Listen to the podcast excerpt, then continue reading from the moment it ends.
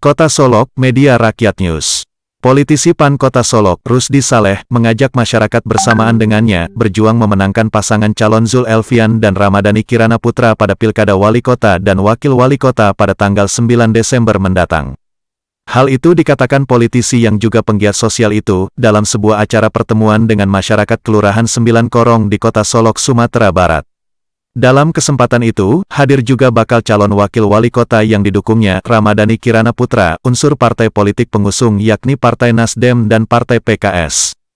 Pernyataan yang diutarakan Rusdi Saleh itu, bertolak belakang dengan sikap yang dilakukan Ketua DPC PAN Kota Solok, yang secara terang-terangan, membangkang dan menyimpang dari ketetapan yang digariskan oleh Partai PAN. Saya adalah anak korong gadang, yang merupakan anak pisang oleh masyarakat sembilan korong. Hari ini putra daerah Sembilan Korong maju menjadi wakil wali kota, tentunya saya mendukung beliau, ucap Rusdi Saleh. Dikatakannya, berbagai pertanyaan bermunculan terkait arah dukungan dirinya di Pilkada Kota Solok. Namun, dengan telah keluarnya keputusan Partai PAN untuk mengusung pasangan Zul Elvian dan Ramadhani Kirana Putra, sejalan dengan itu dirinya secara otomatis berada dalam satu perjuangan dengan partai koalisi tersebut. Dari kota Solok, Sumatera Barat, reporter kami Okiat Hadi melaporkan untuk Indonesia.